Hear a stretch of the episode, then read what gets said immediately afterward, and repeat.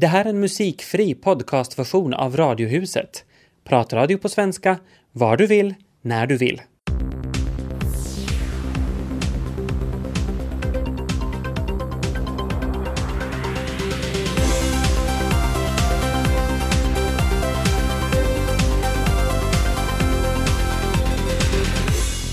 Idag ska vi höra om varför Lucia pussar en tärna och vad ett tiggande spöke i Helsingfors kan få till stånd. Och Norge är ett farligt land att köra bil i. Så farligt att politikerna vill ta till riktigt drastiska medel nu. I Radiohuset med Tobias Larsson och Ami Lassila. Välkomna med. Fredrika Biström, fotograf och performancekonstnär. Välkommen. Tack. Du har i år gjort ett annorlunda jul, julkort där en Lucia och en tärna pussas. Varför ville du göra det här kortet? Jag tyckte det kändes aktuellt med den här med tanke på den här äktenskapslagen som behandlas nu i dagarna. Och, och annars också så är det ju alltid ett aktuellt ämne på något sätt det här att bryta normer i det som man kanske ser som någon slags traditioner. Mm. Vad har folk sagt om det? Nå direkt till mig så har det nog kommit bara positivt då. Men att sådär på nätdiskussioner så har det nog kommit också sånt som är negativt. Mm. Du jobbar då som fotograf. Vad är det du vill med din fotokonst? Mm, no, förändra världen kanske på något vis. Få människor att tänka. Och kanske genom sådana här frågor eller saker man tar upp liksom behandla sånt som är aktuellt. Någon slags kommunikation säger det nog som. Mm. Vilken typ av bilder är det som du tar? Mm, no, både kommersiella och konstnärliga. Mm. Jag fungerar liksom på båda sidorna. Och för mig själv så tar jag då kanske just sånt här som, som eh, på något sätt ska, ska ge samhället någonting. En, en utmaning eller en fråga. För en del så är det ju inte alls konstigt att se två kvinnor pussas till exempel. Men för andra kan det vara liksom provocerande till och med. No, du vill liksom ifrågasätta stereotyper. Vad, vad är det, hur gör du? Hur går du tillväga? No, man måste på något sätt först kanske fundera på det visuella då, att vad, vad finns det för visuella stereotyper? Hur ska en människa se ut till exempel för att vara normal? Vad har man för, eh, vad har man för yrke eller vad liksom berättar man om sig själv genom sitt utseende? Eller genom det hus man bor i. Så man funderar på sådana här möjliga bilder då, symboler i bilder och sånt här. Då. Och de kan man ju sen då använda just i, i konsten och i fotokonsten och, och på olika sätt. Mm, kan du säga något exempel? Uh, exempel på hur jag, när jag har gjort det här? Ja, om du tar en så kallad normal människa och så vänder du kanske på det eller hur du gör, hur du tänker. Mm, vad skulle det vara? Ja, till exempel det, ett av de där kortbilderna som jag tog mig själv, av mig själv så då var det, jag liksom kombinerade på något sätt julgrisen och en misshandlad eh, kvinna. Att det här, det här med att liksom kvinnor får mer på käften under julhelgen, det mm. kombinerar jag då med det här att man liksom utnyttjar på något vis djur. Och då förenar jag dem då i en bild. Mm, det är ju eh, ganska häftigt och, och, starkt budskap. Människor idag är ju ändå ganska luttrade. Hur tycker du att du når fram till dem just med, med sådana här grejer, att få dem att tänka och reagera? No, vissa reagerar ju på, vad som, på allt. en del är känsligare än andra. Men um, det kan också vara just det här med hur människor reagerar, att en del, en del reagerar ju då lättare för de kanske har en, en världssyn som handlar om att man kanske inte, det, det är nog bra att, att rucka på systemet. en del tycker att det är tryggt liksom att vi har regler och Lucian är så, Lucian har nu alltid varit på ett visst sätt och så tänker de sig att, att, det, liksom, att det bara stör egentligen när någon börjar att ifrågasätta det här. Men andra tycker att oj, wow, titta någon har gjort en sån där bild liksom och tycker att det är coolt och häftigt och så här. Det är inte bara genom bilder som du vill försöka lite ruska om folk utan du håller också på med performancekonst. Hur kom du in på det här då? Mm, no, det, var, det var då när, när det här det började dyka upp, eller det hade nog redan en tid funnits alltså tiggare i Helsingfors. Och det verkar människor reagera jättestarkt på. Det bara satt en människa tyst och, och ville ha folks pengar. Så det kändes tydligen för er det liksom provocerande eller som liksom någonting som många tänkte inte ens på att varifrån kommer den här människan och varför sitter den där. Det var bara som att de ska bort, det, liksom, det här är inte Finlands problem typ och man får inte, vi ska förbjuda tiggeri och så här. Och så kom, fick jag bara en sån här bild i huvudet, tänk om en massa människor som ser ut som, eller tas som, som liksom helsingforsare. Tänk om de skulle sätta sig ner liksom och tigga. Att skulle människor då börja reagera på samma sätt. Och då ordnade jag sen en sån här eh, en fredag eftermiddag då vi ett, ett gäng satt ner och tig, tiggde samtidigt. Och de flesta som dök upp var ju alltså helt vita eh, helsingforsare med sådana kläder som berättade också att de kanske har ett yrke eller en studieplats i alla fall. Och, och så här så att det blev liksom en sån här gruppperformance då. Och sen efter det så, så gjorde jag en eh, performance liksom ensam då jag klädde ut mig till ett sånt gult spöke. Det gula spöket. Det stora varuhuset i Helsingfors använder ofta ett gult spöke. Så det var då det här gula spöket som satt och tiggde utanför varuhuset medan eh, det var de här galna dagarna där. No, hur reagerar folk på de här tiggeri-performancerna då? Eh, den här scenen med gula spöket så det var jättepositivt där på plats. Alltså att människor verkligen skrattade och fotade mig och kom och frågade vad är du nu för en och så här. att det var liksom, det var, verkar vara humor, humoristiskt liksom för, för flanören.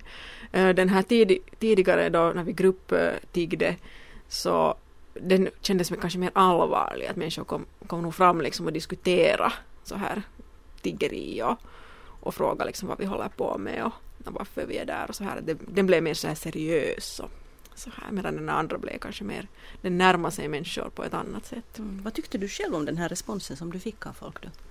No, det är nog spännande. Det är nog därför man kanske gör det här konst. Att, att det, där, det är roligt när människor reagerar. Och när människor reagerar så förstås kommer det också de som reagerar negativt och tycker att oh, igen sådana här konstnärer som bara ska göra sådant. Liksom att en del blir ju arga bara för att man gör någonting. Mm. Liksom att det, det är tillräckligt provocerande. Vad hade du väntat dig då för, för respons på de här grejerna? Mm, no, på det där gula spöket hade jag inte förväntat mig så mycket reaktioner. Men det blev sen mer reaktioner eftersom, eftersom Hesari hade sen en, alltså Helsingin Sanomat hade sen en, en text om mig med en stor bild av mig då när jag tiggde som det här spöket. Och då, då började det sen spridas på Facebook och, och där, där var också jättelånga diskussioner. Och en del av diskussionen handlar ju inte ens bara om tiggeri utan det här överhuvudtaget att ska nu konstnärer få göra sånt här? Vad ska konstnärer göra sånt? ja, liksom att, att vad är på något sätt konstnärens eh, gränser? Att får man gå ut på gatan och, och göra sån här social konst eller ska man hålla sig inne i gallerierna och prydligt? Mm, jag kan behöva kanske inte fråga vad du själv tycker om den saken då. Um, nej, no, jag tycker nog på det viset att, att eh, konsten ska finnas utanför gallerierna också. Det blir nog det blir bara en viss krets som möter konsten om vi håller oss inom, inom de här vita, vita väggarna liksom. Mm. Du åker också ut med ett annat budskap. Du reser runt i högstadier och berättar om homose homosexualitet. Vad berättar du för de här högstadieeleverna? Mm, no, att uh, att det, vi pratar ganska mycket om överhuvudtaget att vara annorlunda då i skolorna. Att, att liksom eh, sexualitet, eh, minoriteterna inom sexuali, liksom, sexuella minoriteter, det är bara ett sätt att vara annorlunda. Och eh, det kan liksom bildas ett likadant utanförskap på, av alla möjliga orsaker. Att fast om man till exempel har annan hudfärg eller bor på ett annat ställe än alla andra i klassen eller, eller något sånt här. Så, att, så vi pratar mycket om den här känslan av att vara annorlunda och eh, att alla människor är ju på något vis annorlunda. Att om vi liksom börjar peka, om vi bara stirrar på den som är annorlunda så blir det massor med regler som alla ska börja följa. Och det är liksom, om en pekas ut så då lider egentligen alla för att alla måste akta sig för att bli den där som pekas ut. No, högstadieelever är kanske den mest krävande publiken som finns. Hur har de reagerat på, på det här budskapet? Nå bra, det, är nog, det, det, kommer ju allt möjligt när man är där och pratar i klassen då förstås. Men jag skulle säga liksom att den ålders ungdomar, fast deras liksom åsikter kan vara jättehårda och provocerande, så är det också de som liksom snabbt kan tänka, alltså snabbt kan också ändra sig eller börja se på ett annat sätt. Att sen när man pratar med, med äldre människor så är de ofta så fast liksom att, att de har nu levt så här i 20 år och tyckt så här i 20 år. Och då är det jättesvårt att liksom ifrågasätta det eller diskutera det överhuvudtaget. Medan en, en, en yngre människa som den är liksom öppen kanske mer för, för all, alla möjliga tankar. Fredrika Biström, tack för att du kom till Radiohuset.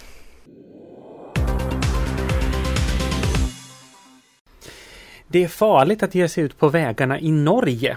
Eh, särskilt i de mer bergiga områdena och det finns ju relativt hyfsat mycket berg i Norge och mycket fjordar och allting sånt.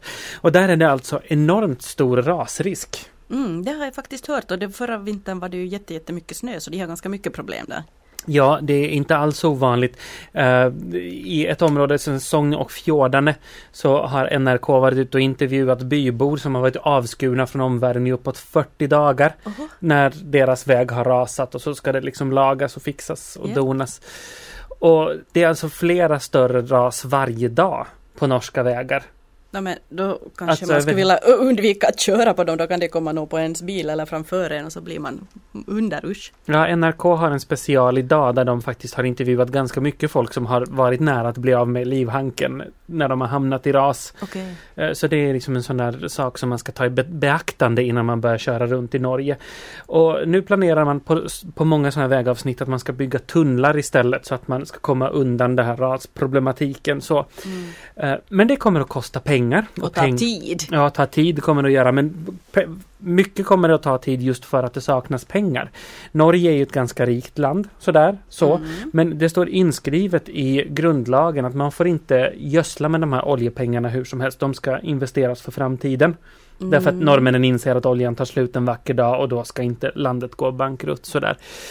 Eh, så man, har, man skjuter till ungefär en miljard norska kronor nästa år för det här vägprojektet och det kommer inte att räcka långt. Jaha, men vägar är ju förstås en investering för framtiden. Ja, men man kan inte sätta hela statsbudgeten ett år på att bygga vägar. Och då kommer då Fremskrittspartiet som ju är Norges motsvarighet till Sannfinländarna. Så här mm. populistiskt parti som vinner väljare och sympatier genom att komma med så här enkla lösningar på saker.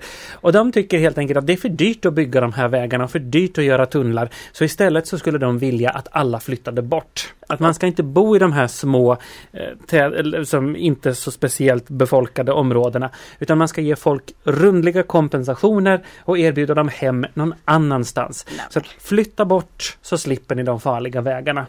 Vad tycker du om det förslaget? No, men hallå, också om någon kanske nappar på det där med att yes, jag får massa pengar om jag flyttar bort någon singel som inte har så mycket band till orten kanske. Men jag kan inte tänka mig, majoriteten stannar säkert kvar ändå. Så ganska dumt förslag.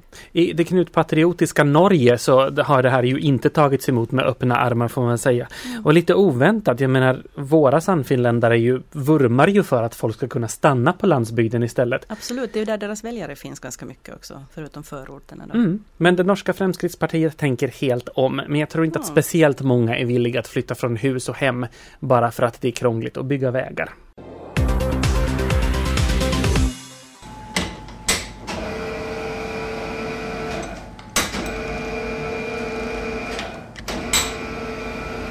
Berätta Kim Holmberg, vad är det för maskin?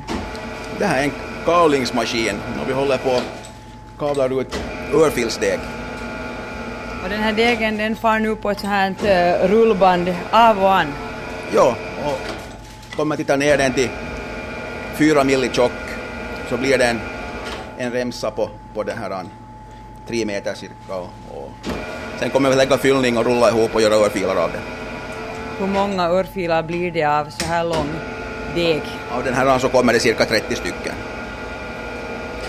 Det här till morgonschack är det här som kommer. Vi ska färska örfilar här vid, efter nio. Nåja Kim Holmberg, nu är klockan lite före nio. Morgonen har börjat för mig, men när steg du upp? Klockan fyra. Jag var på jobb här lite före halv fem. Och vad allt har du hunnit få undan innan jag kom hit? Jag har gjort en hel del faktiskt. Eh, allt det här, allt kaffebröd, matbröd, semlor, allting är, är det här bakat och gräddat och allting finns till salu uppe i, i, i café. När kommer de här beställningsjobben in? Eh, dagens beställningar så börjar vi jobba med här nu vid nio streck. Sånt som ska ut under dagens lopp. Mm. Hur länge har du jobbat nu som bagare? Eh, som företagare sen, sedan 2001 och, och som bagare sedan 84, 1984. När bestämde du dig för att bagare, det vill jag bli? det var nog en, en, ett sammanträffande, alltså det var det, var det här efter skolan, skoltrött och tänkte ta ett mellanår och, och få till ett bageri på jobb och, och där blev det. Tycker du om ditt jobb? Visst gör jag det. Absolut. Jätteskoj är det. Vad är det som gör det så roligt då? No, inte vet jag. Det, det, det, här, det är ju ett jobb var man, var man får vara kreativ, jobba med händerna och, och det här företagandet speciellt måste jag säga så den här direkta kundkontakten i ett sånt här litet bageri så är väldigt positivt och intressant. Men tröttnar du inte på att baka örfilar till exempel, dag ut, dag in? Det är väl som med allt jobb, det kommer, det kommer stunder då man tycker kanske att det skulle vara roligt att prova på någonting annat men, men det, här, det är korta stunder, sen fortsätter man igen. Blir du inte trött på att stiga upp fyra då, alla vardagar och sen kanske ännu lördagar? Nej, det är nog en, det är nog en vanesak mer än, än någonting annat. Inte har det någon betydelse tror jag hur man... För, för mig är det liksom... Det är precis för, på samma sätt som, som någon annan som stiger upp klockan sju. Inte, inte det där någonting. När man stiger upp har det inte egentligen så stor betydelse. Det är vad man gör under arbetsdagen som är viktigt. När tar din arbetsdag slut då? Den tar slut vid senast vid, ett sträcke heller. Det, det är nog långt beställningarna som styr. Det, det, kan gå långt in på eftermiddagen och kan vara att man får hem på förmiddagen och kommer tillbaka senare på eftermiddagen. Det är allt hur det, hur det passar. I dagens läge har du ju hjälp här nere i bageriet också så du, du bakar inte allt ensam? Nej, det, vi är idag det här, vad heter det, tre heltidsanställda i bageriet och, och, och det här det lättar ju upp massor. Och det har också liksom gett möjlighet att, att det här växa speciellt på på bageri och konditoriprodukter. Hur var det i början att komma in i branschen som företagare? No, no, det är ju så att, att det här oberoende tror jag av bransch, om man startar upp någonting nytt från, från början så, så det, här, det är klart att det är tufft och, och man ska nog vara förberedd på att, att jobba hårt och långa dagar under ganska många år. Att, att utan den egna egna uppoffringar och egna insatser så, så är det nog få företag som, som överlever längre än fem år. Tyvärr. Har det någonsin varit så att du har tänkt att nej, nu ger du upp och slutar? Nej, det har aldrig, det alternativet har aldrig funnits. Så det har alltid gått bra också för dig? Det har alltid gått, ja. Vi har haft... Eh, det, jag tror att vi kom in i, i den här... Vi kom så här passligt in då i, i början på 2000, just det här med café, kafébransch och sånt som, som har visat sig att, att det här det, det har fungerat. Att folk går mer och mer ut på kaféer och oberoende av, av den här konjunktur så, så har man kanske alltid den här en och en halv euro till en kopp kaffe och, och två, tre euro till om man vill ha ett bakverk till. Men hur är det med den nya trenden nu då när folk ska äta fett och just inga kolhydrater? Hur har du fått anpassa dig till det med tanke på dina kolhydratrika bullar och också semlor? Hittills har det nog inte inverkar någonting på, på, på, på kaffebrödsförsäljningen. Och jag måste säga att det har, mina kunder har, har, har på det sättet inte, hur ska vi säga det här, lämna oköpt matbröd och, och semlor fast det inte har varit kolhydratfattigt. Och de kommer inte in och frågar heller efter att har du kolhydratfattiga alternativ? Det har det, det frågats efter och, och, och det här, då har jag meddelat att vi har ett matbröd på torsdagarna och, och det här, den vägen har vi liksom bemött kundens önskemål. Hur är det med trender överlag? Var får du inspiration till nya mm, ska vi säga, bakverk, bakelser, matbröd etc.? Oftast så, så diskuterar vi i bageriet, sen provar ut nya produkter. Inspiration får man ju idag det här. Du behöver bara fara ut på, på internet och söka nya produkter så det är ett väldigt bra forum.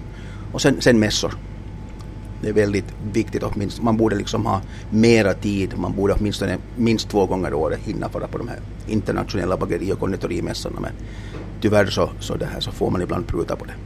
Var brukar de här internationella mässorna ordnas? Senaste gång vi var på en sån mässa så var till, till, här, till Dortmund i Tyskland och det, det visst 2010. Där var ju förstås det att man borde ha varit man borde haft mera tid. Det är så jättestort hela det där mässområdet i Tyskland att, att det här att två dagar räckte inte. Man borde ha haft en liten vecka på sig att gå igenom alltihop. Är örfilarna ditt eh, visitkort eller bravurnummer?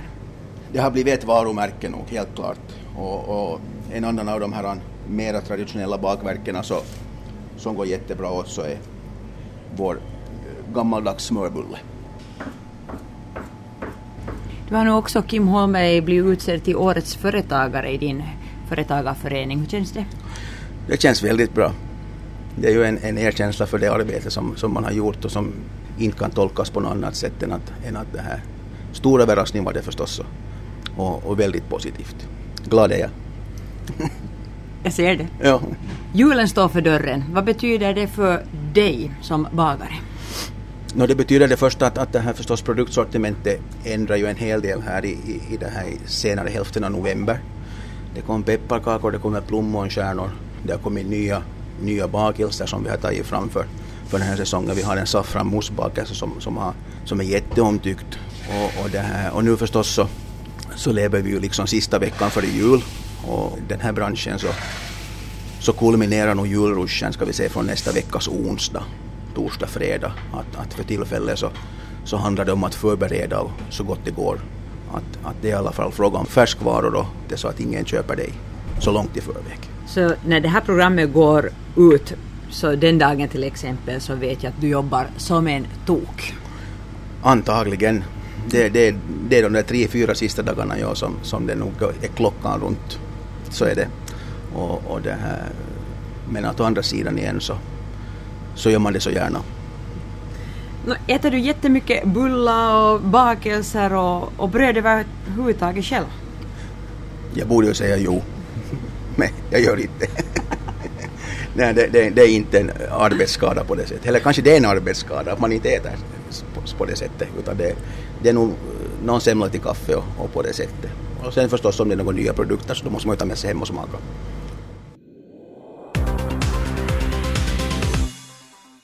Tobias, har du märkt att allting omkring oss piper? Och då menar jag inte Duffy. Äh, jag piper inte. Nej, okej. Okay. Och jag har inte heller fel på huvudet. Men det piper på riktigt alldeles jätte, jätte mycket omkring oss i alla världens apparater i vår vardag. Alltså, vi köpte en ny mikrovågsugn. Först när vi började använda den så märkte vi att den piper högt. Varje gång man trycker på en knapp och när maten är färdig så piper den tre sådana långa uppfordrande mm. pip.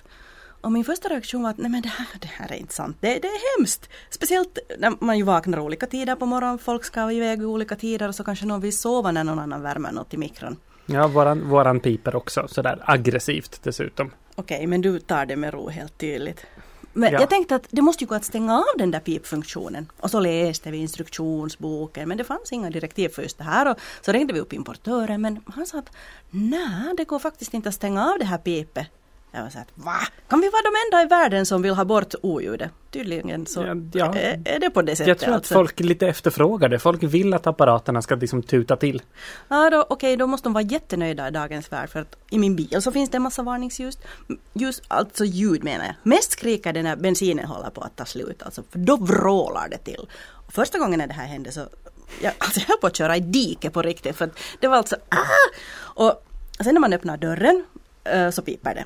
Och när man inte sätter på bilbälte så, så då piper det först sådär uppmanande. Efter några sekunder så börjar det pipa sådär att man har lust att kasta sig ut ur den där bilen och skuffa hela bilen i sjön. Oj! Och, ja, och här på jobbet då, när man ska printa ut någonting och så tar pappret slut i printen. Och så håller den på att skrika så högt att man säkert hör det då på flera kilometers avstånd och den slutar inte förrän den tröttnar eller förrän man då trottar in en binge med papper i den. Så jag, blir, jag blir faktiskt matt på allt det här pipande. Varför, varför ska de är, det, är det bara pipande eller är det all typ av ljud som stör dig? Eller det är nog just... mest det här pipande faktiskt. Och sådana här genomträngande, gälla, långa saker. Så jag tror att jag så här till jul, när folk frågar vad önskar du dig? Så önskar jag mig att det ska vara fridfullt och tyst och lugnt.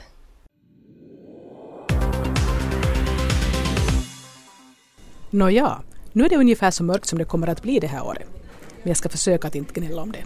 Det gäller bara att försöka stå ut. Och eftersom det här är min sista kolumn för det här året så skulle jag kunna strunta i att tjafsa om mörkret och istället försöka sammanfatta året som gick. Vilka saker är det jag minns när jag tänker på 2011? Jag minns den konstanta rapporteringen om den pågående krisen i Grekland, Portugal, Europa, hela världen. Jag undrar hur många avgörande veckor med avgörande toppmöten man kan ha på ett år. Och så var det en massa folk som demonstrerade på många olika torg i många olika länder. Och så var det den här kärnkraftsolyckan i Fukushima i Japan. Och det blev än en gång uppenbart att vi som alltid har varit emot kärnkraft fortsättningsvis har all orsak att vara det. Synd bara att beslutsfattarna i vårt land inte är av samma åsikt, för snart kommer det att finnas ett kärnkraftverk 150 kilometer norr om Nykarleby där jag bor. Vad minns jag mera? Döda terroristledare och diktatorer och rapporter om att en massa människor svälter här i världen. Och så har vi fått höra om inkomstklyftorna som fortsätter att öka också i vårt land eftersom man numera tycks anse att girighet och själviskhet är helt okej. Okay. Alltså, jag har så småningom börjat misstänka att ingen av dem som är valda att styra den här världen har en aning om vad de håller på med. Men de håller masken och hoppas att någon annan har koll. Jag menar, vi tycks tro att vi lever i någon sorts västerländsk demokrati.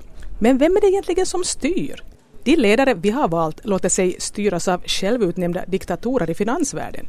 För om man ens lite har försökt fatta vad som är på gång i den märkliga värld där finanscyklare, bankirer och traders rör sig, så har man antagligen i det här skedet hunnit bli ganska cynisk.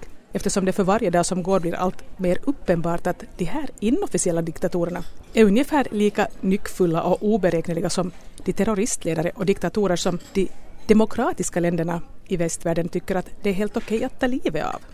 Men ingen verkar försöka störta de självsvåldiga ledare som finns inom banker och kreditvärderingsinstitut, alltså de där märkliga instanserna som bestämmer om ett land eller en bank nådigt får behålla sin AAA-status eller om det ska ske en förnedrande degradering. De får minsann ha kvar sin makt och kan fortsätta att rumba hela världen utan att de demokratiskt valda ledarna ens verkar försöka göra någonting. Jag fattar bara inte. Ibland känns den här världen helt absurd och man får nästan lust att skratta. För vad annat kan man göra liksom? Men förutom att onödigt mycket mental energi det här året har gått åt till att försöka förstå den här världen vi lever i, så har jag det här året oftare än tidigare blivit påmind om människans bräcklighet och livets ändlighet. Det är förstås bara vad som är att vänta när man inte längre kan anses vara ens mitt i livet utan en bra bit förbi den teoretiska mittlinjen. Och för varje år som går så kommer man säkert att få höra om allt fler dödsfall och allvarliga sjukdomsfall i den utvidgade bekantskapskretsen. Man vet att det är på det sättet, men ändå skulle man helst inte vilja tänka på det. Jag undrar om alla de separationer som också har förekommit i bekantskapskretsen har att göra med att folk i medelåldern plötsligt inser att det börjar vara lite kvar av livet och att om man ska skiljas så är det bäst att göra det nu. Nu låter det kanske som om 2011 för mig i väldigt hög grad skulle ha präglats av sjukdom, död och separationer. Men så är det ju inte. Det har funnits mycket annat också. Till och med tillfrisknanden, försoningar och nya, förhoppningsvis lyckligare parbildningar. Om jag tänker efter vad som har känts viktigast för mig under det här gångna året så har det nog varit alla vettiga, roliga och meningsfulla möten jag har haft med andra människor. Ibland har det varit fråga om arbete och andra gånger helt privata möten. Det är sånt som gör att det ändå känns roligt att leva, trots att världen ser ut som den gör. Mitt namn är Ann-Sofie Sandström och jag ser fram emot ett nytt spännande år med förhoppningsvis lite färre kriser, både i världen och i bekantskapskretsen.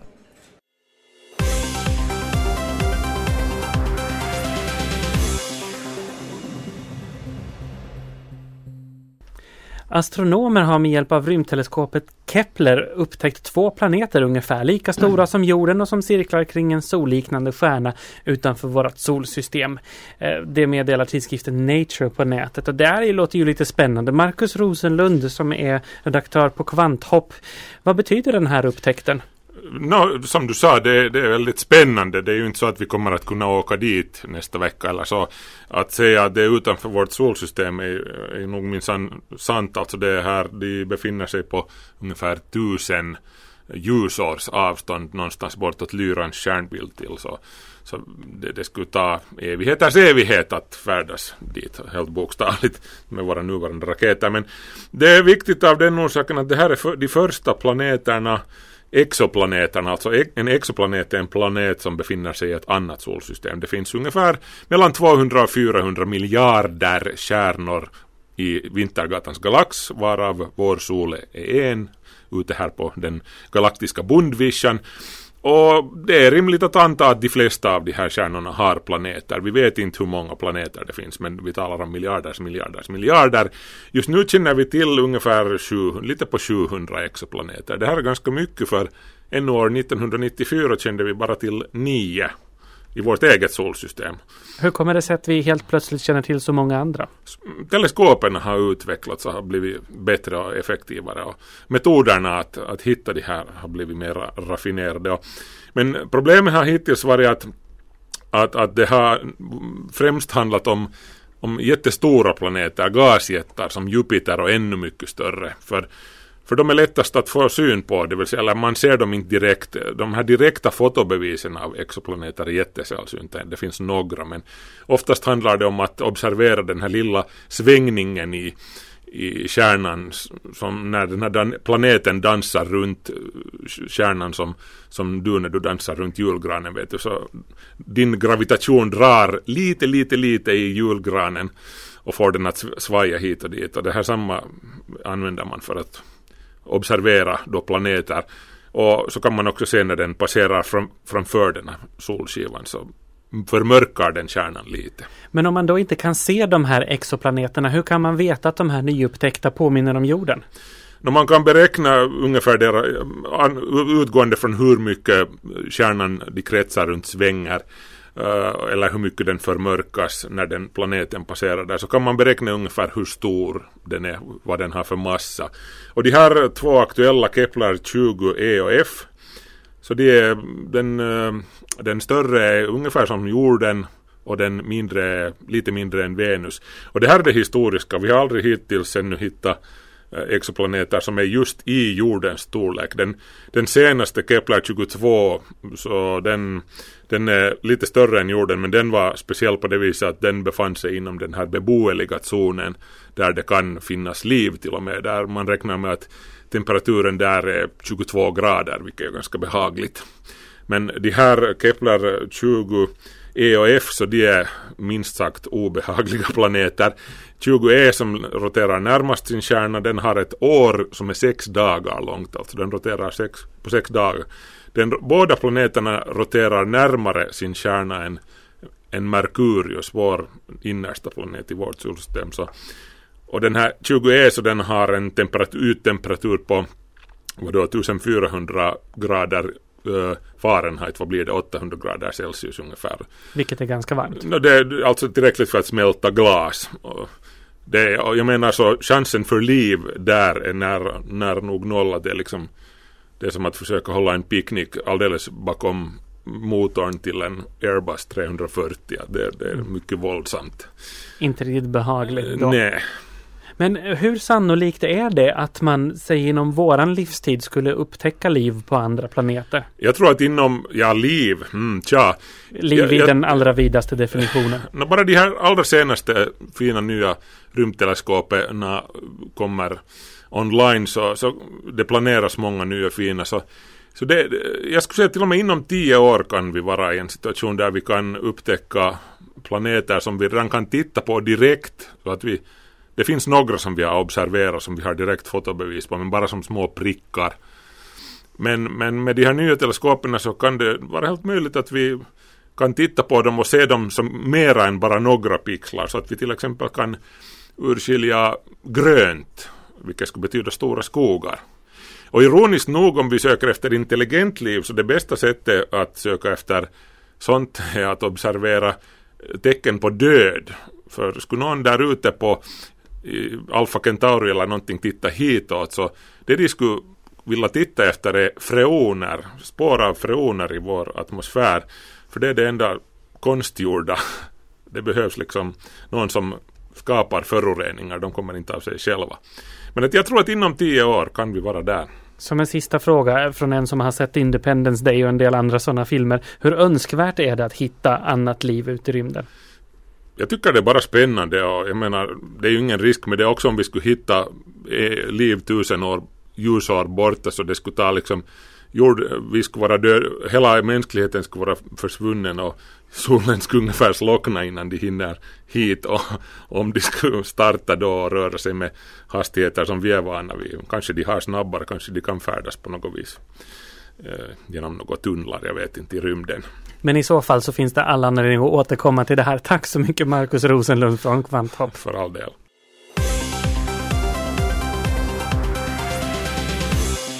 Det här var en musikfri podcastversion av Radiohuset som sänds i Radio Vega måndag till torsdag.